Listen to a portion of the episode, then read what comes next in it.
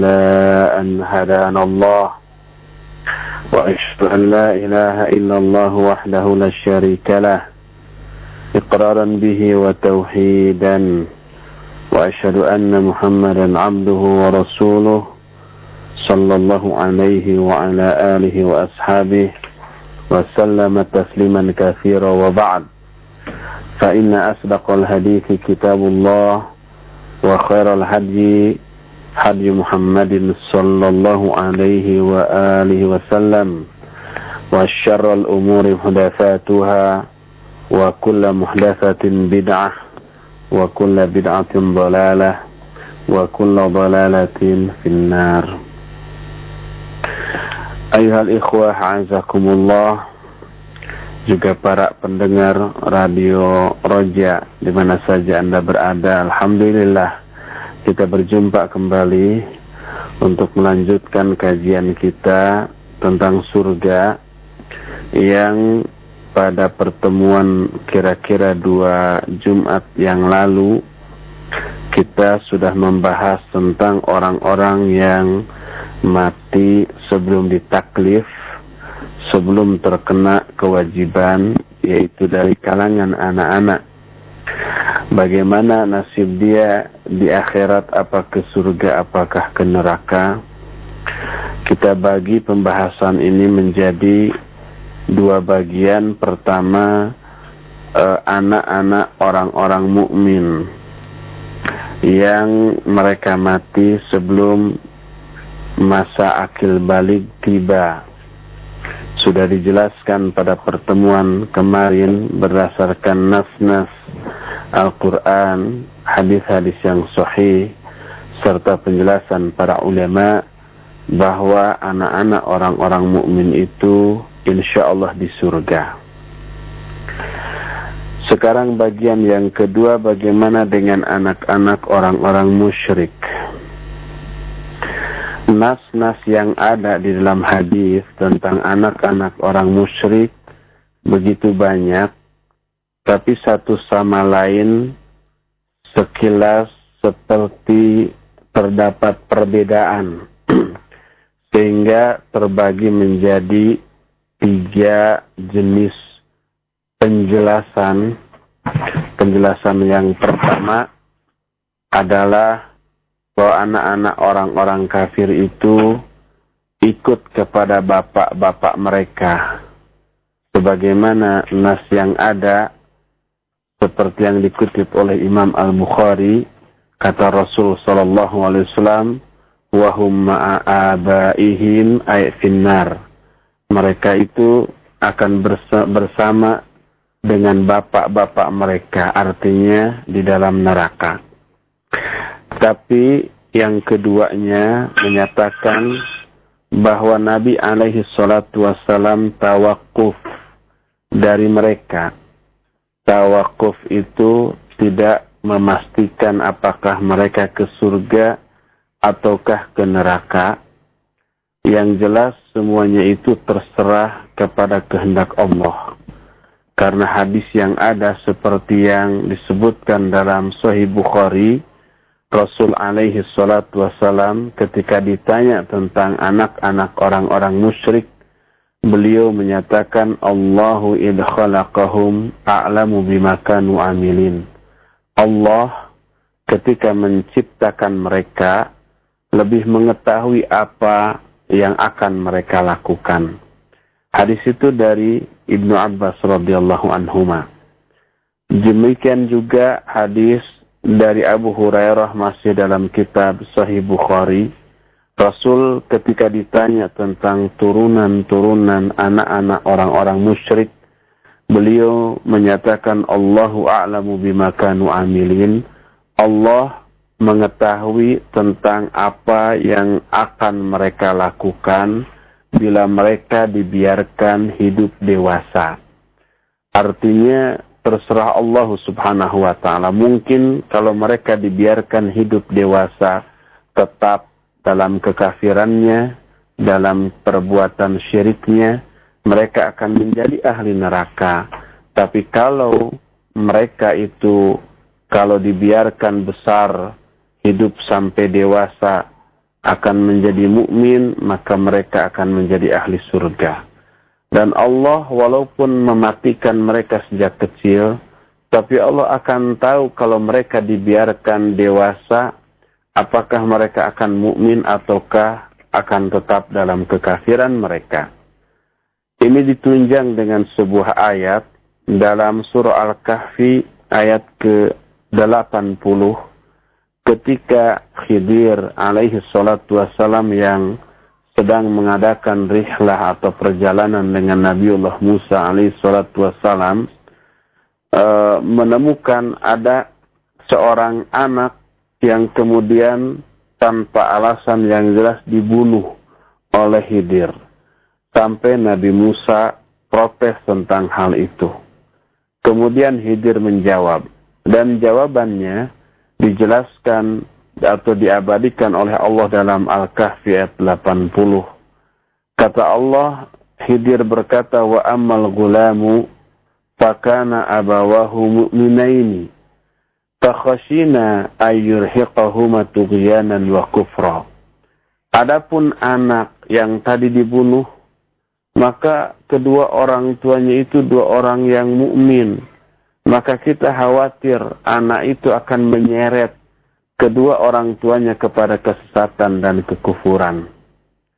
Ketika menjelaskan ayat ini, Rasul Shallallahu Alaihi Wasallam dalam hadis Sahih Muslim diterima dari Ibnu Abbas radhiyallahu anhuma kata beliau ketika mengomentari anak yang dibunuh oleh Hidir tubi'a yauma tubi'a kafira walau taraka la arhaqa abawaihi tughyanan wa kufra anak itu telah ditetapkan akan menjadi orang kafir kalau mereka itu atau kalau dia itu tumbuh dewasa.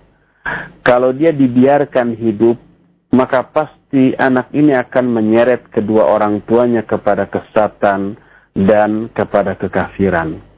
Ini menunjukkan bahwa Allah akan tahu kalau anak itu dibiarkan hidup sampai dewasa, tidak hanya anak itu menjadi orang kafir, dan sesat, tapi juga menyeret kedua orang tuanya yang tadinya mukmin akan menjadi kufur dan sesat pula.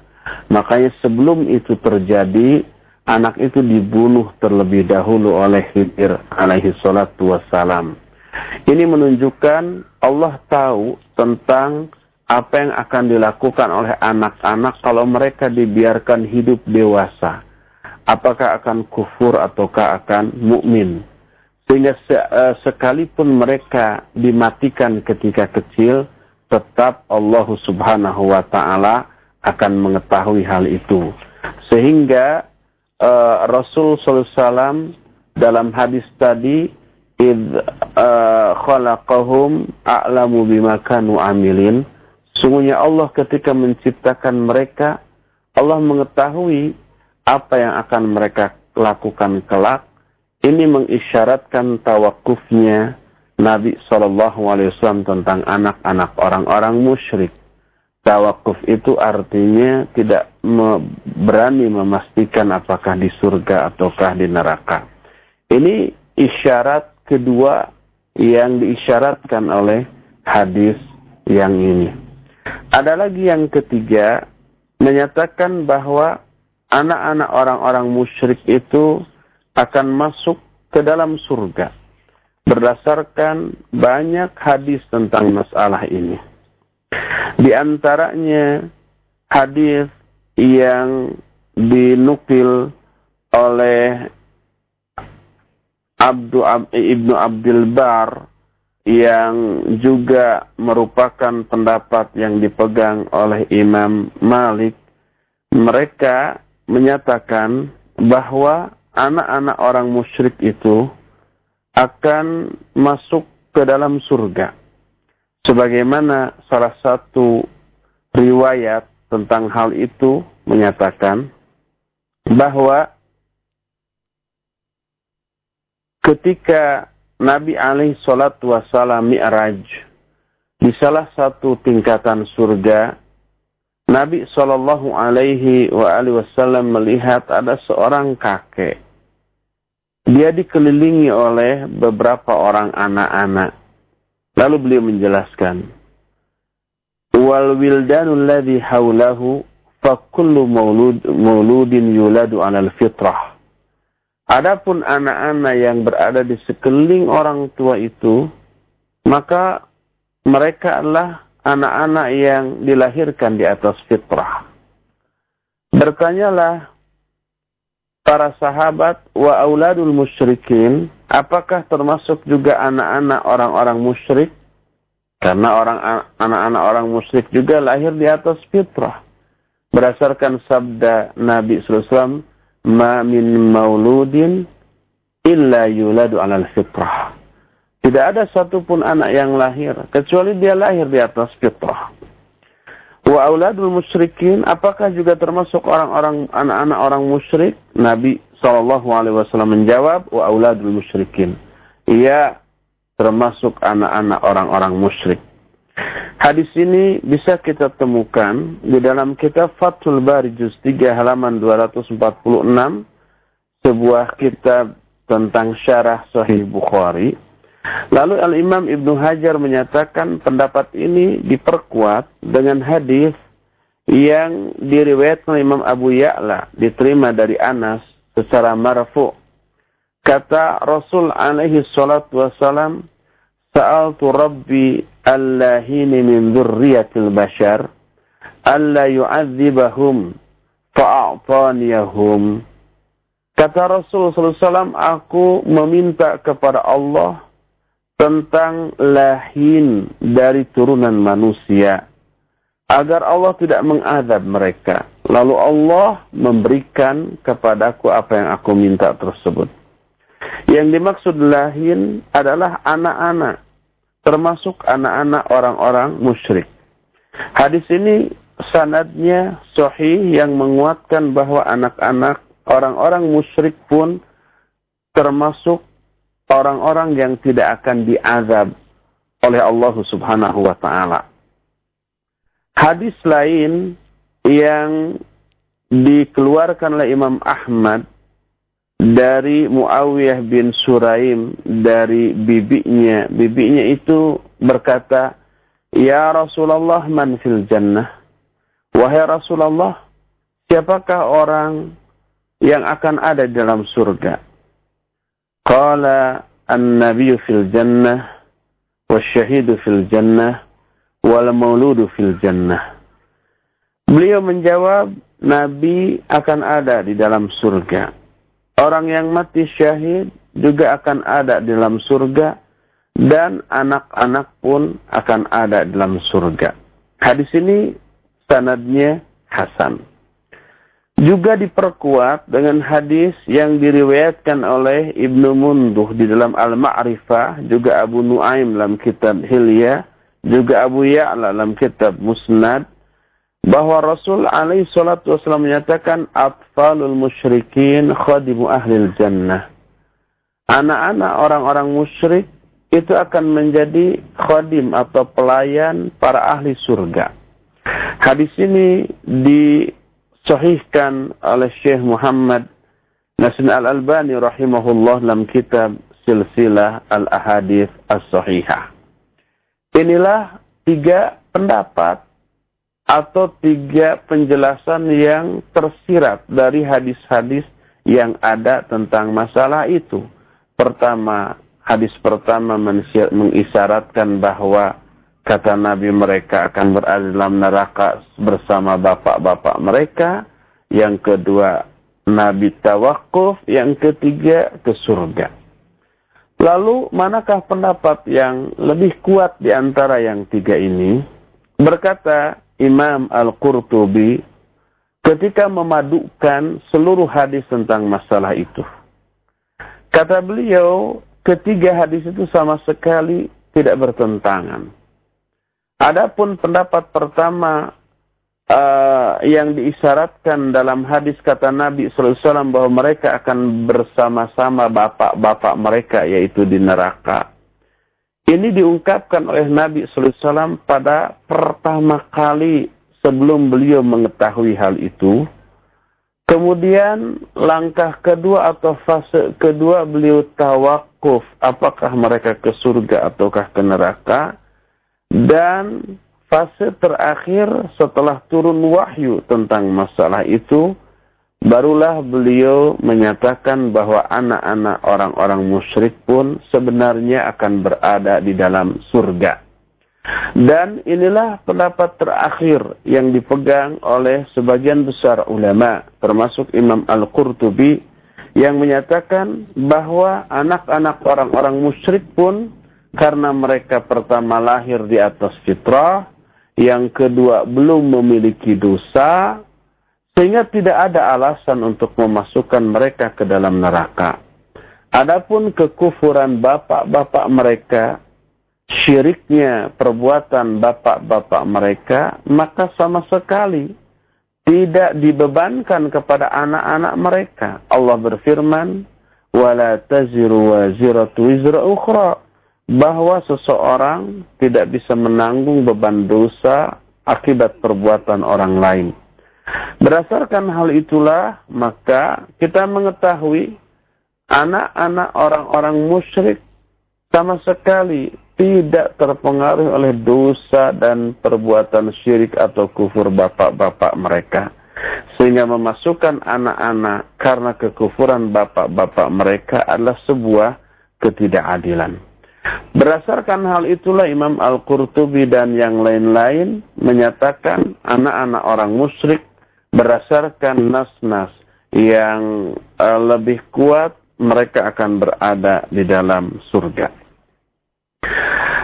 Ada lagi pendapat lain seperti yang dipegang oleh Abdul Hasan Al-Ash'ari.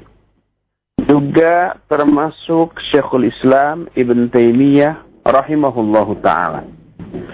Mereka menyatakan bahwa anak-anak dari orang-orang musyrik yang mati ketika kecil, mereka nanti akan diuji di akhiratnya Berkata Syekhul Islam ketika menjelaskan masalah ini. Wassawab ayyuqala fihim Allahu a'lamu bima kanu amilin. Wala yuhkamu limu'ayyanin minhum bijannatin aw nar. وقد جاء في عدة أحاديث أنهم يوم القيامة يمتحنون في عرصات القيامة يؤمرون وينهون فمن أطاع دخل الجنة ومن عصى دخل النار yang benar tentang anak-anak orang-orang musyrik ini adalah bahwa Allah lebih mengetahui apa yang akan mereka amalkan. Sehingga tidak boleh ditakin, difonis dengan surga ataukah dengan neraka. Dan ada beberapa hadis bahwa pada hari kiamat mereka itu akan diuji, diperintah dan dilarang. Siapa yang mentaatinya, mentaati Allah dalam perintah itu, dia akan masuk surga dan siapa yang maksiat, dia akan masuk ke dalam neraka. Itu dijelaskan oleh Syekhul Islam di dalam kitab Majmul Fatawa juz ke-24 halaman 372. Dalam bagian lain halaman 281 berkata Syekhul Islam, Atfalul musyrikin alladzina lam yukallafu fid dunya yukallafuna fil akhirah kama waradat bidzalik ahadits mutaaddidah. Adapun anak-anak orang-orang musyrik yang belum ditaklif di dunia, belum diberi ke, kewajiban-kewajiban di dunia, maka mereka akan diberi beban kewajiban di akhirat sebagaimana itu dijelaskan di dalam banyak hadis.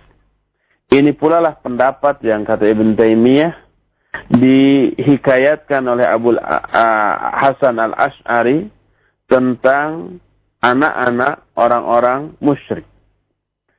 Dan disebutkan juga oleh Imam Ibn Hajar. Annahum yumtahanuna fil akhirah bi an turfa'lahum nar Faman dakhalaha kanat alaihi bardan wa salama. Wa man aba udhiba.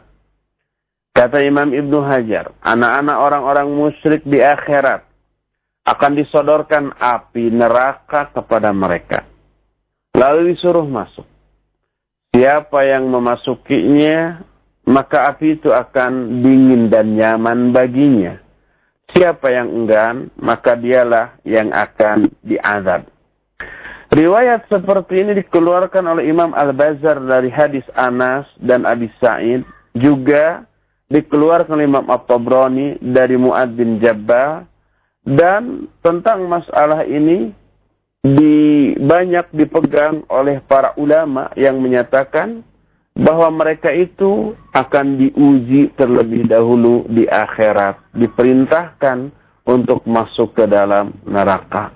Siapa yang mau berani masuk ke dalam neraka, maka neraka itu dingin dan nyaman. Akhirnya dia masuk ke dalam surga. Dan siapa yang enggan, maka dialah yang akan diadab.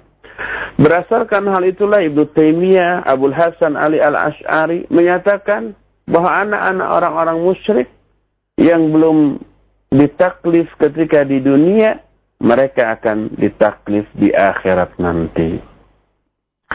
Memang ada bantahan dari sebagian ulama terhadap pendapat ini. Di antara Imam Al-Qurtubi. Beliau dalam kitab At-Tadhkirah menyatakan bahwa e, negeri akhirat adalah negeri pembalasan dan bukan negeri ujian. Serta di akhirat ini tidak ada lagi ujian atau perintah ataupun larangan. Oleh karena itulah pendapat tersebut baif. Kata Al-Imam Al-Qurtubi. Akan tetapi Syekhul Islam Ibn Taimiyah menjawab kritikan tersebut. Beliau menyatakan at-taklifu innama yanqati'u bi dukhulin daril jaza wa hiya jannah awin nar. Wa amma urusatil qiyamah fayumtahanuna fiha kama yumtahanuna fil barzakh fayuqalu li ahadi man rabbuk wa man nabiyyuk taklif atau pembebanan, ujian atau perintah atau larangan itu hanyalah terputus atau selesai dengan masuknya mereka ke dalam negeri pembalasan yaitu surga atau neraka. Di surga tidak ada lagi perintah ataupun larangan. Di neraka juga begitu. Tapi sebelum ke surga, sebelum ke neraka, perintah dan larangan itu tetap ada termasuk di alam kubur, termasuk di alam akhirat sebelum manusia masuk ke surga ataupun ke neraka. Seperti di barzakh umpamanya ada ibtila, ada pertanyaan, ada fitnah. Di sana ditanyakan oleh malaikat, munkar nakir man rabbuk wa ma wa man nabiyuk. Siapa Rabbmu? Apa agamamu? Siapa nabimu? Itu di dunia. Di akhirat, di alam mahsyar, sebelum manusia ke surga atau ke neraka juga tetap masih ada perintah. Sebagaimana bisa kita temukan dalam surah Al-Qalam. Ayat 42. Allah memerintah seluruh manusia untuk sujud. Allah berfirman, "Yauma yukshafu an saqin wa yud'auna ila sujudi fala yastati'un." Pada hari itu disingkapkan betis Lalu mereka manusia diseru untuk sujud, tapi mereka tidak mau sujud. Ada perintah sujud di akhirat nanti. Dalam sebuah hadis yang sahih, yang ini juga dinukil oleh Syekhul Islam Ibn Taimiyah, rahimahullah Nabi Ali salatu wasallam bersabda, "Yatajallallahu li ibadihi fil mawqif." إذا قيل ليتبع كل قوم ما كانوا يعبدون فيتبع المشركون آلهتهم. ويبقى المؤمنون فيتجلى لهم الرب الحق في غير السورة التي كانوا يعرفون فينكرونه. ثم يتجلى لهم في السورة التي يعرفون. فيسجد له المؤمنون وتبقى ظهور المنافقين كقرون البقر فيريدون أن يسجدوا فلا يستطيعون وذلك قوله يوم يكشف عن ساق ويدعون إلى السجود فلا يستطيعون Kata Nabi Ali Shallallahu Wasallam, Allah menampakkan diri di hadapan hamba-hambanya di alam mahsyar nanti. Tiba-tiba dikatakan, hendaklah semua kaum, semua orang mengikuti apa yang dulu ketika di dunia disembahnya. Maka orang-orang musyrik pun mengikuti sesembahan-sesembahan mereka. Tinggallah yang tersisa orang-orang mukmin. Lalu Allah menampakkan diri dalam bentuk yang tidak dikenal oleh orang-orang mukmin, lalu orang-orang mukmin itu mengingkarinya. Enggak, ini bukan Rob kami. Kemudian Allah menampakkan diri dalam bentuk yang dikenal oleh orang-orang mukmin. Lalu sujudlah orang-orang mukmin itu kepada Allah. Dan tersisalah punggung orang-orang munafik. Punggung mereka begitu keras. Seperti tanduk sapi, mereka ingin sujud tapi tidak mampu melakukan sujud yang diperintahkan oleh Allah. Inilah yang dimaksud dengan wa yud'auna ila sujud fala yastati'un. Mereka diperintahkan untuk sujud, tapi mereka tidak mampu. Ayat ini beserta hadis yang menjelaskannya menerangkan secara gamblang kepada kita bahwa di akhirat masih tetap ada perintah, ada taklif, ada ibtila, yaitu disuruhnya sujud. Berdasarkan hal itu, maka perintah tidak pernah berhenti kecuali dengan masuknya manusia ke surga ataupun ke dalam neraka. Berdasarkan hal itulah maka kita mengetahui di kalangan para ulama ada dua pendapat tentang nasib anak-anak orang musyrik yang mati ketika mereka masih kecil. Pendapat yang pertama mereka masuk ke dalam surga dan pendapat yang kedua mereka tetap akan diuji di akhirat nanti. Wallahu a'lam bishawab. Adapun jumlah atau prosentase kaum muslimin yang menghuni surga dibanding umat-umat selain kaum muslimin. Yang dimaksud selain kaum muslimin adalah para pengikut nabi-nabi terdahulu pada zaman nabi-nabi tersebut masih hidup. Bukan berarti selain kaum muslimin ada yang masuk surga, artinya di kalangan Nasoro ada yang masuk surga, Yahudi, Buddha, Hindu, ateis. Bukan. Kalau Yahudi, Nasoro, Buddha, Hindu jelas itu ahlun nar. Yang dimaksud selain kaum muslimin adalah selain pengikut Nabi Shallallahu Alaihi Wasallam, yaitu pengikut para nabi sebelumnya yang juga mereka disebut kaum muslimin pada zamannya. Mereka adalah orang-orang Islam pada zaman nabi-nabi mereka masih hidup. Berapa persen jumlah umat Rasul Sallallahu Alaihi Wasallam yang menghuni surga dibanding umat-umat pengikut Nabi yang lainnya? Yang jelas dalam banyak hadis bahwa penghuni surga terbesar adalah umat Rasul alaihi salatu.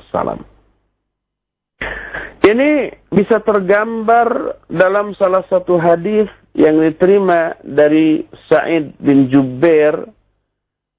Sa'id haddatsani Ibnu Abbas. Ibnu Abbas telah menceritakan kepadaku. Nabi SAW bersabda, "Uridat alayya al-umamu, fa'akhadha an-nabiyyu yamurru ma'ahu al-ummah والنبي يمر, يمر معه النفر والنبي يمر معه العشرة والنبي يمر معه الخمسة والنبي يمر وحده ditampakkan kepadaku umat-umat sebelumku ada nabi seorang nabi yang diikuti yang diikuti oleh satu kelompok umat ada lagi nabi yang hanya diikuti oleh beberapa orang ada lagi nabi yang diikuti oleh hanya sepuluh orang. Ada lagi nabi yang hanya diikuti oleh lima orang, bahkan ada seorang nabi yang berjalan sendirian, tak ada satupun pengikutnya. Fanadhartu faida sawadun kathirun. Aku melihat ke suatu arah. Tiba-tiba ada sekelompok jumlah yang besar. Aku bertanya, ya Jibril, haulai ummati, wahai Jibril, apakah mereka itu umatku?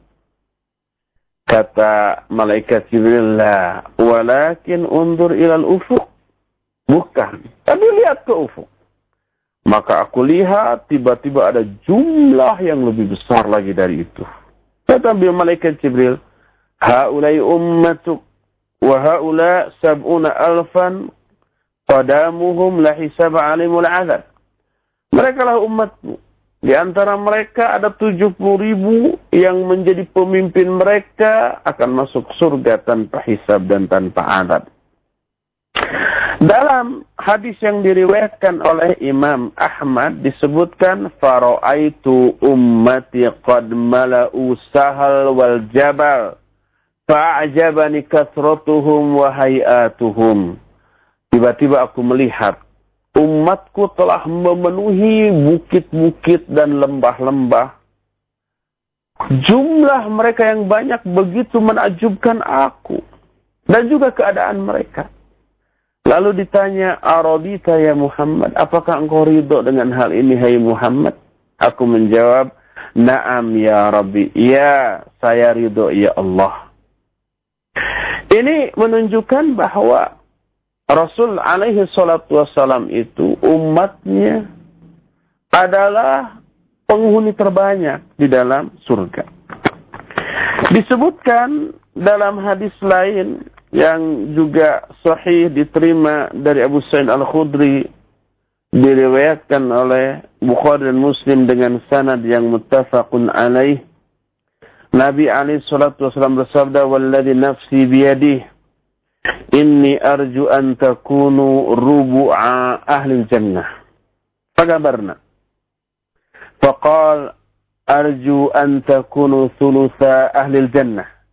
Fakabarna. Faqal arju an takunu nisfa ahli jannah. Fakabarna. Kata Rasul SAW, demi Allah yang jiwaku berada dalam genggaman tangannya. Sesungguhnya, Aku berharap kalian adalah seperempat dari jumlah ahli surga. Lalu kami pun takbir. Kata beliau, aku berharap kalian sepertiganya dari penghuni surga. Kami pun takbir. Lalu beliau menyatakan, aku berharap kalian akan menjadi jumlah setengah dari ahli surga. Kemudian kami pun takbir. Bahkan ada lagi yang lebih rinci dari itu yang menjelaskan bahwa jumlah umat Rasul SAW di kalangan para penghuni surga itu mencapai dua per tiga atau lebih dari 60 persen dari seluruh jumlah ahli surga. Sebagaimana dijelaskan dalam hadis yang diriwayatkan oleh Imam At-Tirmidzi dengan sanad yang hasan juga Imam Ad-Darim dalam kitab sunannya, Al-Bayhaqi juga meriwayatkan ini dari Buraidah. Rasul alaihi salatu wasallam bersabda, Ahlul jannati ishruna wa mi'atu sof. Kamanuna minha min hadhil ummah wa arba'una min sairil umam. Kata Rasul SAW, ahli surga itu seluruhnya berjumlah 120 baris. 120 soft. Tapi tidak dijelaskan satu soft itu berjumlah berapa orang. Cuma 120 baris. 80 baris di antaranya dari kalangan umatku ini. Dari kalangan umat Rasul alaihi salatu. Sedangkan 40 baris dari seluruh umat yang lainnya. Berarti kalau 80 per 120 itu sama dengan 2 per 3 dari penghuni surga itu adalah umat Rasul alaihi salatu wassalam. Dalam hadis yang diriwayatkan oleh Imam Muslim dari Anas, Rasul alaihi salatu wasallam bersabda, "Ana awwalu syafin fil jannah." Lam yusaddaq nabiyyun minal anbiya ma suddiqtu. Wa inna minal anbiya nabiyan ma saddaqahu min ummatihi illa rajulun wahid. Aku adalah orang yang pertama kali memberi syafaat di surga. Tidak ada seorang nabi pun yang dibenarkan atau dipercayai seperti halnya aku dipercaya atau dibenarkan oleh umatku. Dan sungguhnya di antara para nabi ada seorang nabi yang tidak diimani dari kalangan umatnya kecuali oleh hanya satu orang saja. Dalam hadis lain yang diriwayatkan oleh Imam Bukhari dan Imam Muslim dari Abu Hurairah radhiyallahu an, Rasul alaihi salatu wasallam bersabda, "Ma minal anbiya min nabiyyin illa qad u'tiya minal ayah ma ma masalahu amana alaihi al-bashar." Fa innama kana alladhi utitu wahyan awhallahu ilayya wa arju an akuna aktsarahum tabi'an yaumal qiyamah. Tidak ada seorang nabi pun kecuali dia diberi ayat atau mukjizat yang bisa diimani oleh manusia yang mengikutinya. Dan hanyalah aku diberi wahyu. Dan Allah memberikan wahyu kepadaku. Dan aku berharap aku adalah orang yang paling banyak pengikutnya pada hari kiamat. Dari semua penjelasan tadi kita mengetahui bahwa prosentase terbesar dari penghuni surga di akhirat nanti ada dari kalangan umat Muhammad sallallahu alaihi wa alihi wasallam sampai mencapai lebih dari dua pertiganya adalah umat pengikut Rasul Shallallahu Alaihi Wasallam. Adapun yang sepertiga yang lainnya itu campuran dari pengikut nabi-nabi yang lain. Padahal nabi-nabi yang lain itu sangat-sangat banyak. Ada ribuan jumlah para nabi. Tapi di antara pengikut nabi yang ada terbanyak yang masuk surga adalah pengikut Nabi Muhammad sallallahu alaihi wa alihi wasallam wallahu a'lam. Lalu siapakah orang-orang yang paling utama di kalangan para ahli surga? Siapa yang paling utama di kalangan ahli surga adalah hal yang gaib. Kita tidak tahu. Yang tahu hanyalah Allah subhanahu wa ta'ala karena Allah maha mengetahui apa yang akan terjadi. Jadi ini termasuk hal yang gaib. Tapi Allah memberitahukan hal gaib ini kepada Rasulnya Sallallahu Alaihi Wasallam dan tidak Allah berikan selain kepada beliau. Alimul ghaibi wa la yudhiru ala ghaibihi ahada illa man irtada min rasulin. Allah Maha mengetahui hal yang gaib dan Allah tidak memberitahukan hal yang gaib ini kepada seorang pun kecuali kepada rasul yang diridoinya. Oleh karena itulah maka Rasul SAW menerima wahyu dari Allah siapa orang-orang yang paling utama di kalangan ahli surga. Lalu informasi itu beliau beritahukan kepada kita. Adapun dari kalangan orang tua, para pemuka ahli surga dari kalangan orang tua adalah Abu Bakar dan Umar. Sebagaimana hadis yang diterima dari Ali bin Abi Thalib, Anas bin Malik, Abu Juhaifa, Jabir bin Abdullah, Abu Sa'id Al-Khudri, dan yang lain-lain bahwa Rasul alaihi menyatakan, Abu Bakr wa Umar sayyidakuhu li ahli jannah minal awwalina wal akhirin. Kata Nabi SAW, Abu Bakar dan Umar adalah dua tokoh orang tua di kalangan ahli surga dari awal hingga akhir. Dua pemimpin, dua pemuka para ahli surga. Seluruh ahli surga itu orang-orang yang utama, orang-orang istimewa, orang-orang hebat. Dan mereka semua dipimpin oleh dua orang yang paling utama, paling hebat di kalangan mereka, yaitu Abu Bakar dan Umar.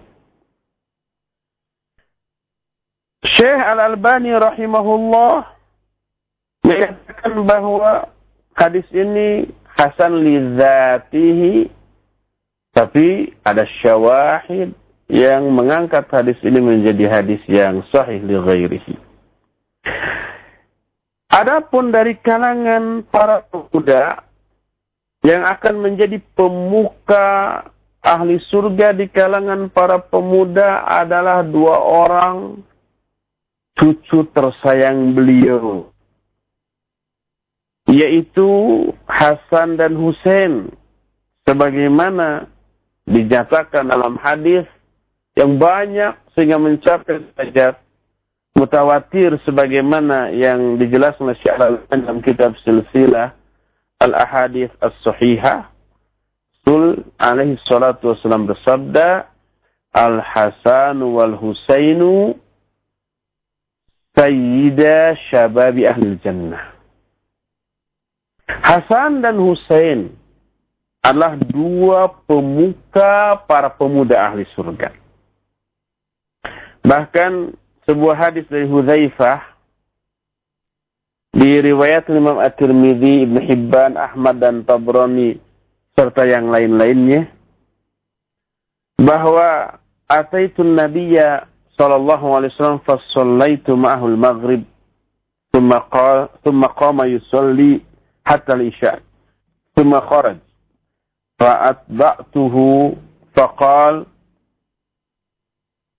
أريد لي ملك استأذن ربه أن يسلم علي ويبشرني في أن الحسن والحسين سيدا شباب أهل الجنة. Kata Hudzaifah, aku sholat maghrib bersama Rasul SAW. Kemudian beliau berdiri sholat sampai sholat isya. Kemudian beliau keluar dari masjid, lalu aku mengikutinya. Lalu beliau berkata, telah datang malaikat kepadaku. Dia minta izin kepada Allah untuk menyampaikan salam kepadaku dan memberikan kabar gembira kepadaku bahwa Hasan dan Husain adalah dua orang pemuka di kalangan para pemuda ahli surga. Dalam hadis yang diriwayatkan Imam Al-Hakim dan Ibnu Asakir dari Abdullah bin Umar radhiyallahu anhuma, Rasul alaihi salatu wasallam bersabda, "Ibna ya hadani Sayyida syababi ahli jannah.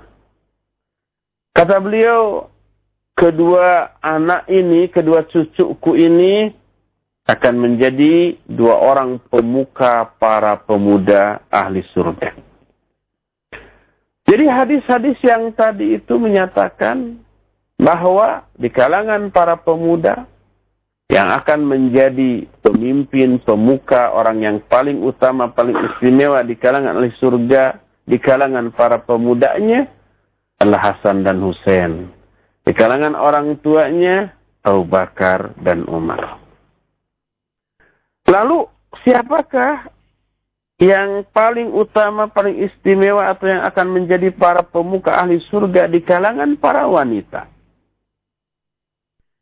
Di kalangan para wanita yang akan menjadi wanita-wanita teristimewa ada empat orang. Empat orang itu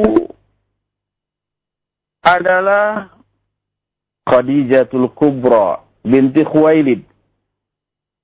Fatimah bintu Muhammadin sallallahu alaihi wasallam.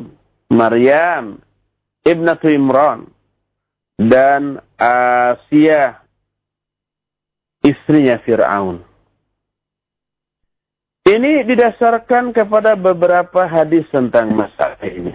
Pertama, hadis yang diriwayat Imam Al-Hakim dalam kitab Al-Mustadrak dengan sanad yang sahih dari Ibnu Abbas radhiyallahu anhuma kata Ibnu Abbas khatta Rasulullah SAW fil arad arba'atu akhtab ثم قال تدرون ما هذا قالوا الله ورسوله أعلم قال أفضل nisa'i ahli jannah خديجة bintu Khuwailid وفاطمة بنت bintu Muhammadin ابنة Maryam وآسية Imran مزاهم امرأة bintu Kata Ibnu Abbas, Rasulullah SAW membuat empat garis di tanah. Lalu beliau bertanya, apakah kalian tahu apakah empat garis ini? Para sahabat menjawab, Allah dan Rasulnya yang lebih tahu. Lalu beliau melanjutkan, ini adalah seutama-utama para wanita ahli surga. Pertama Khadijah bintu Khuwailid. Kedua Fatimah bintu Muhammad. Ketiga Maryam ibnatu Imran. Dan keempat Asia, istrinya Fir'aun. Di antara keempat wanita tersebut, yang paling utama adalah Maryam dan Khadijah. Sebagaimana dalam Sahih Bukhari dari Ali bin Abi Thalib radhiyallahu an dari Nabi Ali salatu wassalam beliau menyatakan khairu nisaiha Maryam wa khairu nisaiha Khadijah. Sebaik-baik para wanita ahli surga adalah Maryam dan sebaik-baik para wanita ahli surga juga adalah Khadijah. Maryam akan menjadi Sayyidatun Nisa'il Ula wa afdalun nisa alal itlaq akan menjadi pemimpin para wanita yang pertama dan seutama-utama wanita secara mutlak.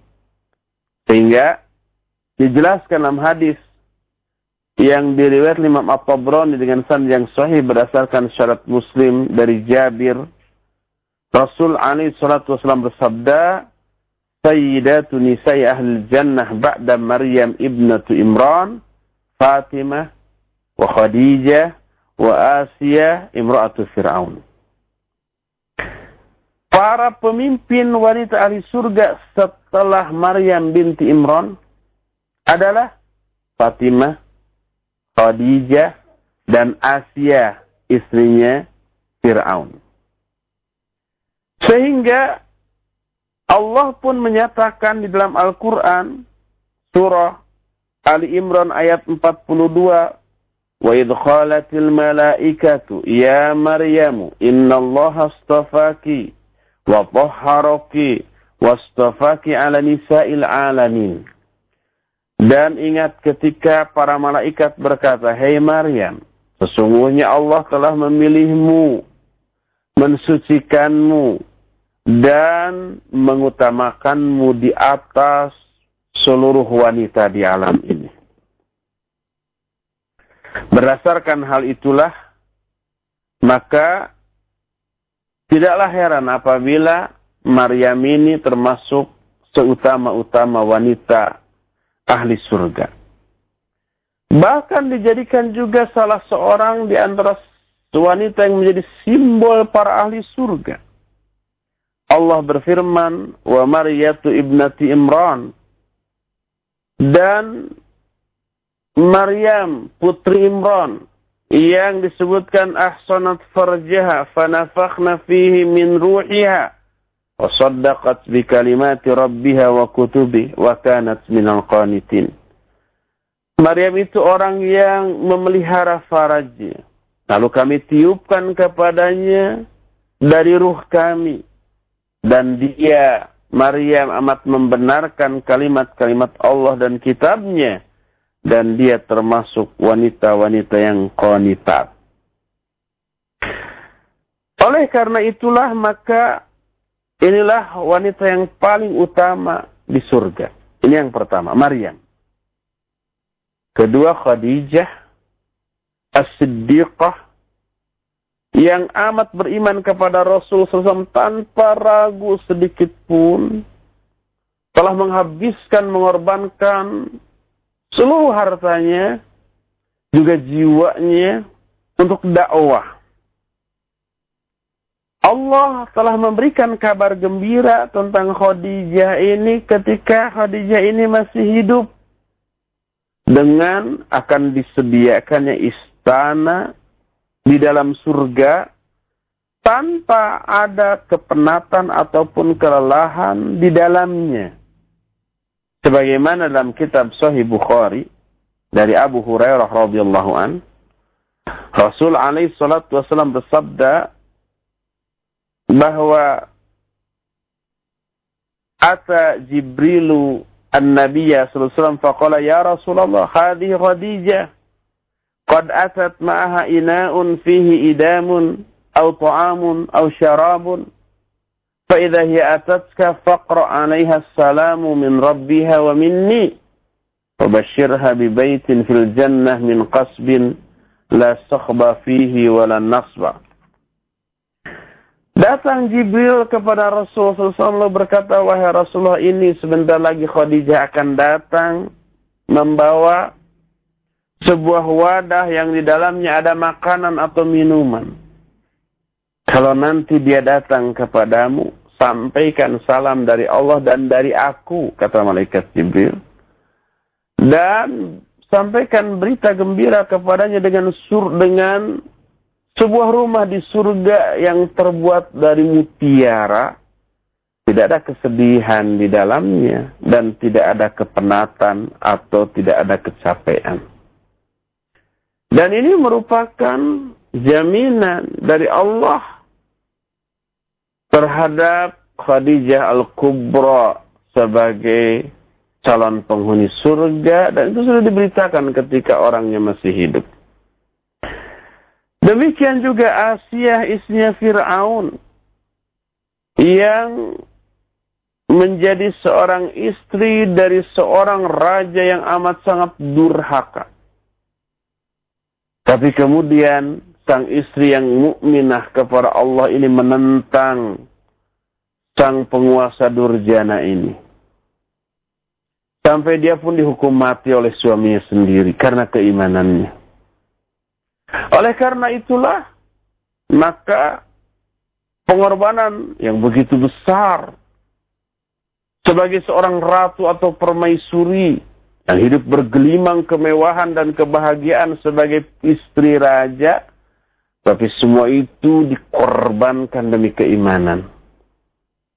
Allah menjadikan Asia ini sebagai simbol orang-orang yang beriman.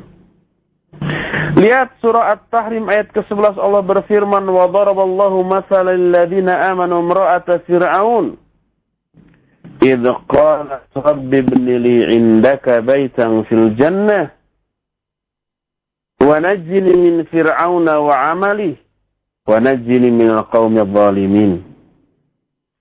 Allah telah memberikan perumpamaan bagi orang-orang yang beriman, yaitu istrinya Fir'aun. Ketika dia berdoa, Ya Allah, bangunkan untukku sebuah rumah di sisimu di surga. Dan selamatkanlah aku dari Fir'aun dan kejahatannya perbuatannya. Dan selamatkanlah pula aku dari kaum yang zalim. Berdasarkan hal itulah, maka Asia dianggap sebagai salah seorang wanita yang akan menjadi pemuka para wanita ahli surga di surga nanti. Inilah beberapa keterangan tentang beberapa tokoh ahli surga baik dari kalangan para orang tua, dari kalangan para pemuda, dan juga dari kalangan para wanita. Wallahu alam bisawab. Selain yang disebutkan tadi, ada lagi beberapa person tertentu yang dijamin oleh Rasul SAW sebagai calon-calon penghuni surga. Di antaranya ada sepuluh orang yang sudah dijamin masuk surga. Sepuluh orang tersebut Pertama adalah Abu Bakar. Kedua Umar. Ketiga Utsman. Keempat Ali. Kelima Tolha. Keenam Zubair. Ketujuh Abdurrahman bin Auf. Delapan Sa'ad bin Abi Waqqas. Kesembilan Sa'id bin Zaid. Dan yang terakhir Abu Ubaidah bin Al-Jarrah. Rasul SAW dalam hadis yang diriwayatkan Imam Ahmad, Imam At-Tirmidzi, dan yang lain-lainnya menyatakan Rasul SAW bersabda Abu Bakrin fil jannah, wa Umar fil jannah, wa Uthman fil jannah, wa Ali fil jannah, wa Talha fil jannah, wa Zubair fil jannah, Auf fil jannah, wa Sa'ad bin Abi Waqqas fil jannah, wa Sa'id bin Zaid fil jannah, wa Abu Ubaidah bin Al-Jarrah fil jannah. Sanad hadis ini sahih. Kemudian dalam hadis lain yang diriwayatkan dari Abu Musa al-Ash'ari disebutkan bahwa Abu Musa saat itu disuruh oleh Rasul alaihi salatu wassalam untuk menjaga pintu dari sebuah kebun yang di dalamnya ada sebuah sumur. Datanglah Abu Bakar. Dia minta izin. Kemudian kata Rasulullah SAW, lahu bil jannah. Izinkan dia dan berikan kabar kepada Abu Bakar dengan surga. Kalau diizinkan. Setelah itu datang Umar. Kata Nabi SAW, I'zan lahu wa bashirhu bil jannah. Izinkan dia dan berikan kabar kepada tentang surga. Setelah itu datang juga Uthman. Kata Nabi SAW, I'zan lahu basyiru bil jannah wa ala, wa ala balwa tusibu. Izinkan dia dan berikan kabar kepada Utsman dengan surga dan berikan kabar juga tentang musibah yang kelak akan menimpanya. Abdullah bin Mas'ud meriwayatkan dari Nabi alaihi salatu wassalam kata beliau al-qaimu ba'di fil jannah walladhi yaqumu ba'dahu fil jannah wa thalithu wal rabi'u fil jannah Orang yang berdiri setelah aku akan berada dalam surga. Lalu orang yang berdiri setelah orang tadi akan ada di surga, demikian juga yang ketiga dan yang keempatnya semuanya akan ada di surga. Yang dimaksud dengan orang yang berdiri setelah aku adalah orang yang menjadi pemimpin sepeninggal aku. Itu Abu Bakar, setelah itu Umar, Uthman, dan Ali. Empat orang yang disebutkan oleh Nabi SAW dalam sebuah hadis yang diriwayatkan Imam Ibnu Asakir dengan sanad yang sahih. Inilah keterangan tentang 10 orang yang sudah disaksikan oleh Rasul SAW bahwa mereka itu akan menjadi penghuni surga. Insya Allah penjelasan lainnya tentang surga masih cukup panjang akan kita jelaskan pada Jumat-Jumat yang akan datang. Untuk sore hari ini, waktu yang kita miliki sudah tidak memungkinkan untuk kita lanjutkan. Cukup sampai di sini saja terlebih dahulu. Dan kita masuki sesi tanya jawab. Saya persilakan sebagai prioritas kepada para pendengar Radio Roja dan akhir Fawaz silakan untuk memandunya. Alhamdulillah. Kami ucapkan terima kasih jazakallah khairan untuk Ustaz yang telah menyampaikan materi yang sangat bermanfaat di sore hari ini. Dari Hotel Islam di mana pun Anda berada, kami berikan kesempatan untuk Anda yang akan bertanya dan sudah ada penelpon yang masuk, kami akan silakan Bu. Assalamualaikum. Ya, Waalaikumsalam warahmatullah. Mohon maaf Ibu dikecilkan radionya Ibu. Silakan Bu. Dari mana dengan siapa Bu? Dengan Ibu Tia di Jakarta. Silakan. Assalamualaikum Pak Ustaz. Waalaikumsalam. Waalaikumsalam warahmatullah.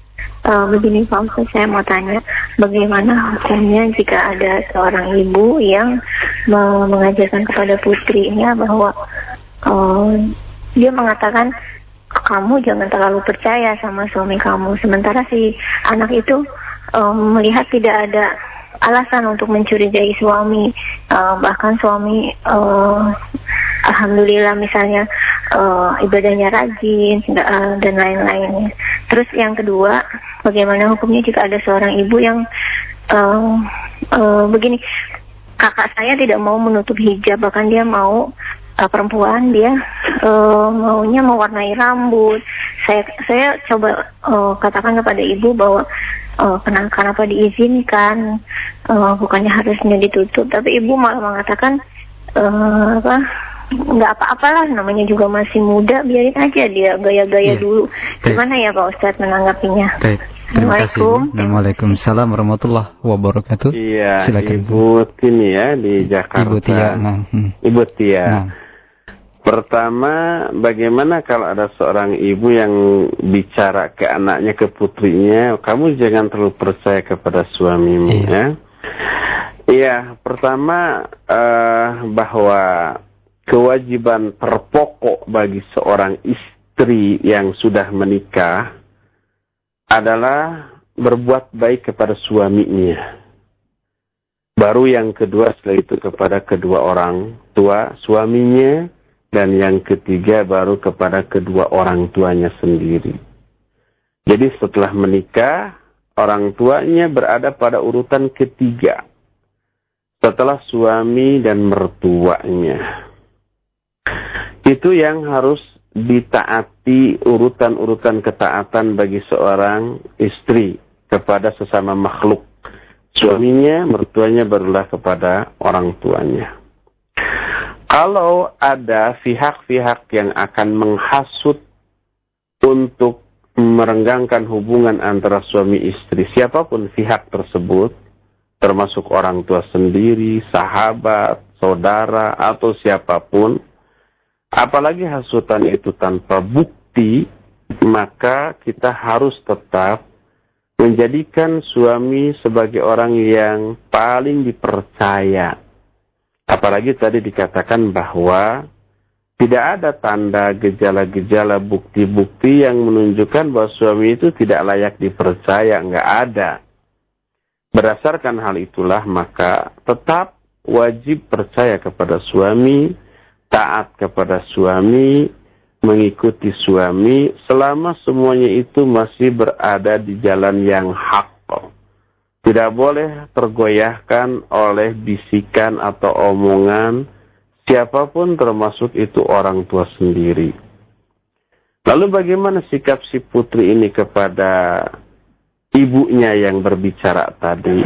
Ya, pertama bahwa secara syar'i ibunya itu jelas salah atau keliru. Karena tadi bersifat memprovokasi atau menghasut untuk merenggangkan hubungan anaknya dengan suaminya itu sesuatu yang keliru. Maka lahir kewajiban bagi si anak tadi untuk mendakwahi ibunya, menasihati dan mengingatkan. Tapi ingat, cara menasihatinya, mengingatkannya wajib dengan cara yang baik yang lemah lembut, yang tidak menyinggung perasaan orang tuanya atau tidak dengan cara yang memperlakukan, mempermalukan ibunya tersebut. Cari momen yang pas, jangan di hadapan banyak orang, jangan di hadapan orang lain atau di hadapan siapa pun yang akan membuat ibunya merasa malu dan terpojokan.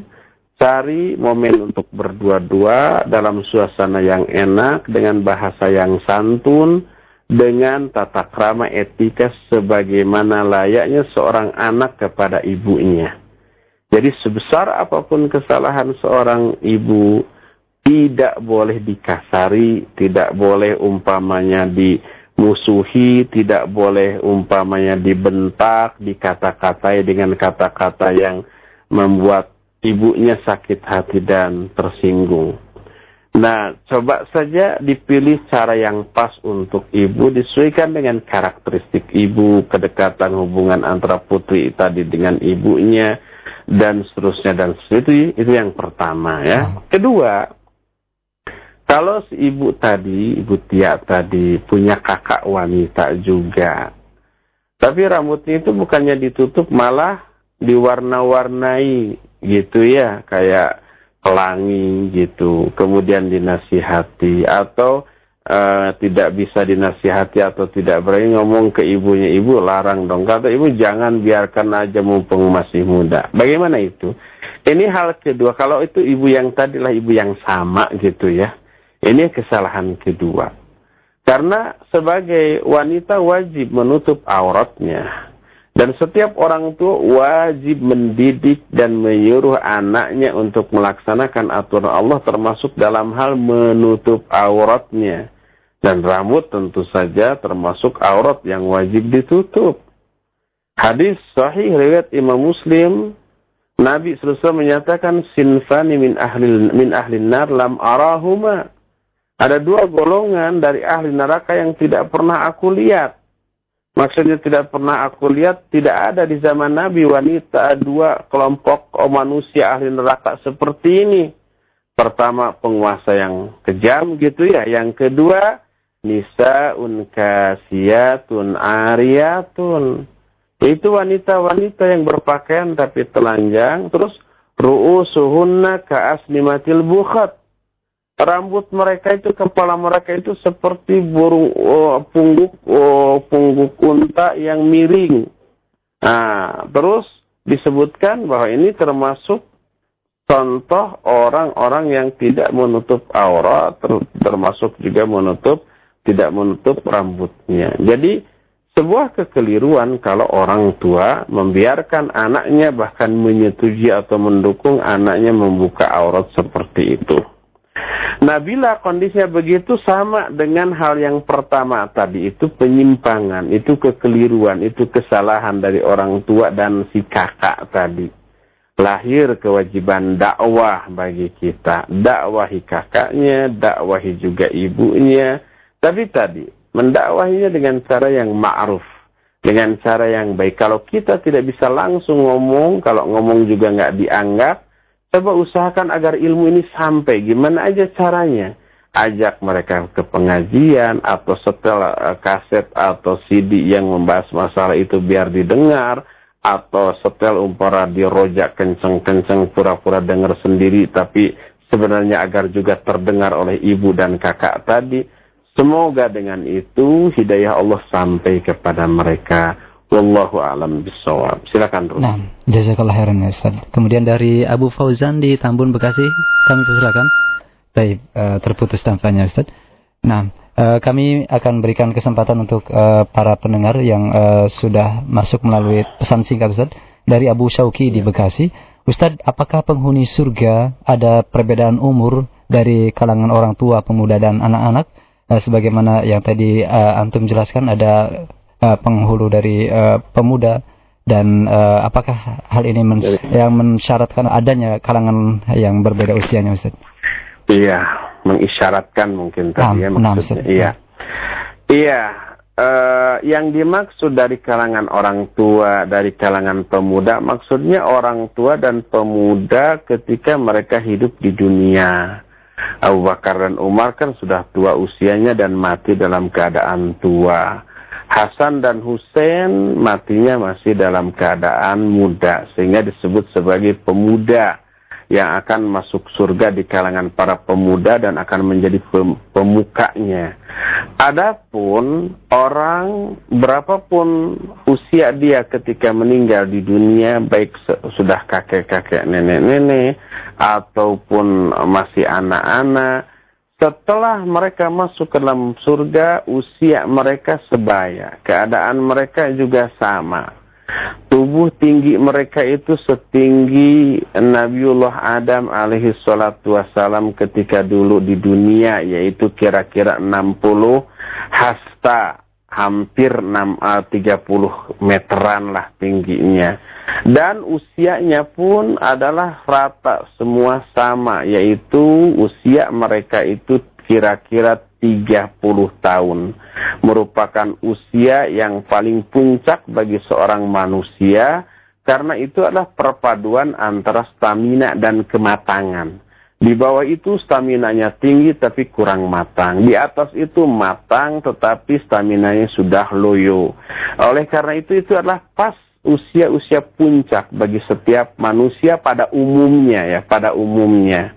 Jadi nanti di akhirat di surga itu usianya sama. Ke keadaan manusia itu sama kira-kira berkisar 30 tahunan. Tapi mereka tidak akan pernah menua, tidak akan pernah menjadi tua lagi, menjadi kakek-kakek lagi. Enggak, tetap selamanya begitu. Sehingga yang dimaksud dengan uh, yang akan menjadi pemimpin para ahli surga di kalangan orang tua, di kalangan para pemuda, maksudnya adalah orang tua dan pemuda ketika di dunianya.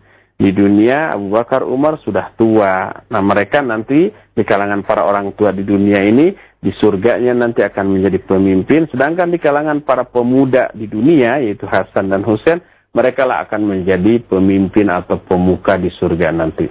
Wallahu a'lam bishawab. Baik Ustaz, masih ada waktu atau uh, silakan, nah, silakan. Dari pendengar kembali kita angkat. Halo. Ya, halo. Assalamualaikum. Nah, Waalaikumsalam warahmatullahi Dari mana Ibu? dari Ummu Muhammad. Nah, silakan. Ya, uh, assalamualaikum Ustaz. Waalaikumsalam warahmatullahi uh, Saya mau nanya gini Ustaz. Uh, tadi Ustaz bilang untuk orang tua ya, uh, itu urutan yang ketiga kita menghargai atau menghormati ya. Yang pertama adalah suami dan ibu mertua uh, dan mertua.